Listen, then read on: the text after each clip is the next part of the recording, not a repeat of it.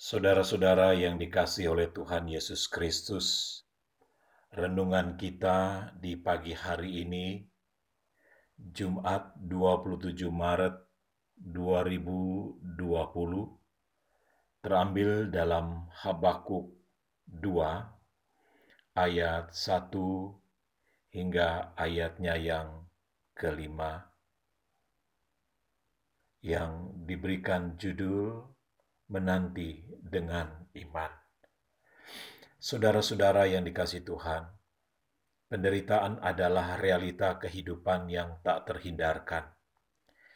Kita sering bertanya, mengapa Tuhan izinkan hal ini terjadi?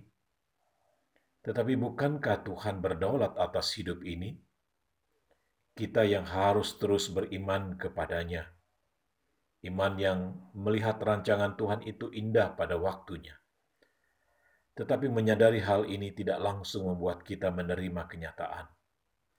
Mungkin kita bisa berkata, "Tuhan, saya akan tetap beriman bahwa Engkau Allah yang berdaulat. Engkau tahu yang terbaik buat anak-anakmu." Tetapi kita akan kembali bertanya, "Berapa lama?" Habakuk bertanya hal yang sama. Berapa lama lagi Tuhan aku berteriak tetapi tidak kau dengar. Aku berseru kepadamu, penindasan, tetapi tidak kau tolong.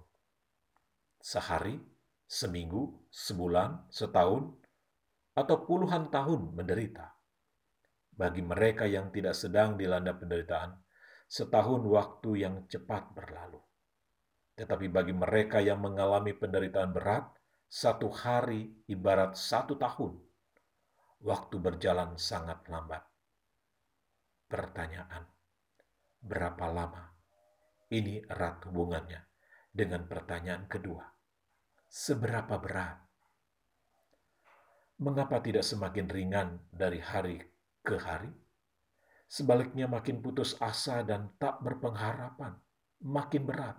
Satu masalah belum selesai, masalah yang lain datang, bahkan datang bertubi-tubi dan ini menjadi sebuah pergumulan dalam kehidupan kita. Perasaan ini yang berkecamuk dalam diri Habakuk. Setidaknya ada dua pertanyaan penting dari Habakuk kepada Tuhan.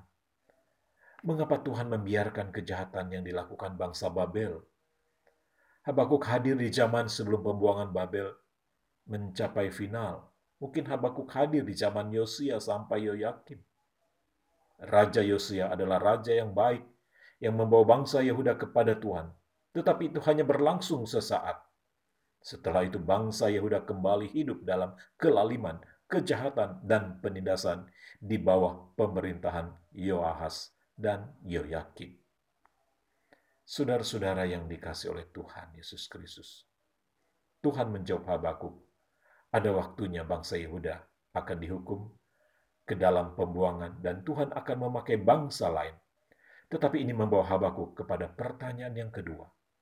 Bagaimana mungkin Allah menghukum bangsa Yehuda, umat pilihannya melalui bangsa Kasdim? Bangsa Kasdim yang dimaksud nantinya dikenal dengan kerajaan Babel yang akan bangkit menjadi bangsa yang kejam dan sedih. Tentu ini semua hal perlu mendapatkan sebuah perenungan yang sangat dalam. Habakuk di tengah keraguannya, di tengah ratapannya, dia mengarahkan kembali pandangannya kepada Tuhan. Apa yang dapat kita pelajari dari Habakuk ini? Renungan kita pagi ini. Yang pertama, melihat. Ayat yang pertama. Melihat apa? Melihat Tuhan bekerja.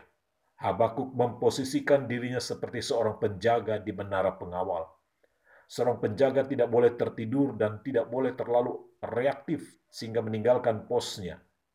Seorang penjaga harus diam, melihat dan siaga. Apa arti dari menara pengawal ini? Ini merupakan sebuah tindakan menarik diri dari pandangan kita di dunia dan mengarahkan pandangan kita ke sorga. Ini merupakan kebiasaan nabi-nabi Allah menantikan dengan sabar dan setia wahyu Allah apa yang menjadi rencana Tuhan. Pemahaman ini membawa kita mengerti bahwa Tuhan menghendaki kita tenang menghadapi pergumulan kita.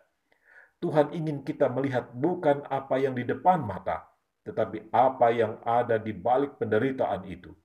Tuhan inginkan kita fokus kepada janji Allah, bukan kepada masalahnya. Latihan spiritual yang baik dalam hal melihat adalah berdoa. Habakuk berdoa di pasal 3. Doa adalah cara kita tenang di dalam Tuhan. Membiasakan diri berdoa di tengah pergumulan berat. Melatih kita diam dan melihat dengan mata iman bahwa Tuhan sedang bekerja dengan caranya yang tentu kita tidak bisa dapat pikirkan dengan akal pikiran kita. Yang kedua adalah menunggu. Ayat 2 dan 3. Tuhan tidak main-main dengan janjinya. Kita mau semua cepat selesai.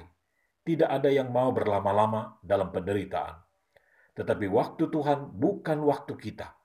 Apa yang kita lakukan di waktu menunggu?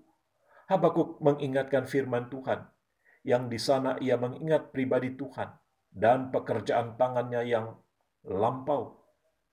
Habakuk menantikan waktu Tuhan dengan merenungkan karya Tuhan bagi kita lewat karya salib, kita mengingat penderitaan Yesus. Dia telah menyelesaikan penderitaan manusia yang terbesar, yaitu dosa. Dosa bukan hanya berbicara soal penderitaan yang diakibatkan sakit penyakit yang kita alami, penyiksaan, kekerasan yang kita terima, kemiskinan materi. Dosa adalah segala penderitaan itu yang bersifat kekal. Percayalah bahwa yang terberat saja sudah dibereskan Tuhan ingatlah selalu akan ada kasih Tuhan lewat salibnya. Dan yang ketiga, mengimani ayat 4. Bangsa Babel merasa sombong sebagai bangsa yang terkuat, tetapi yang akan hidup di hadapan Tuhan adalah orang yang hidup oleh percayanya. Tuhan Yesus di dalam kisah Matius mengajarkan kepada kita bahwa dia tidak pernah meninggalkan murid-muridnya dalam keadaan apa pun bahkan di dalam keadaan yang seolah-olah dia tidak bekerja, sesungguhnya dia terus bekerja menggenapkan rencananya dalam hidup kita. Ingatlah bahwa dalam keadaan apa pun, Tuhan selalu ada di dalam hidup kita. Mengapa kita harus khawatir? Mengapa kita harus takut? Percayalah, Tuhan tetap menyertai kehidupan kita sampai hari ini. Amin.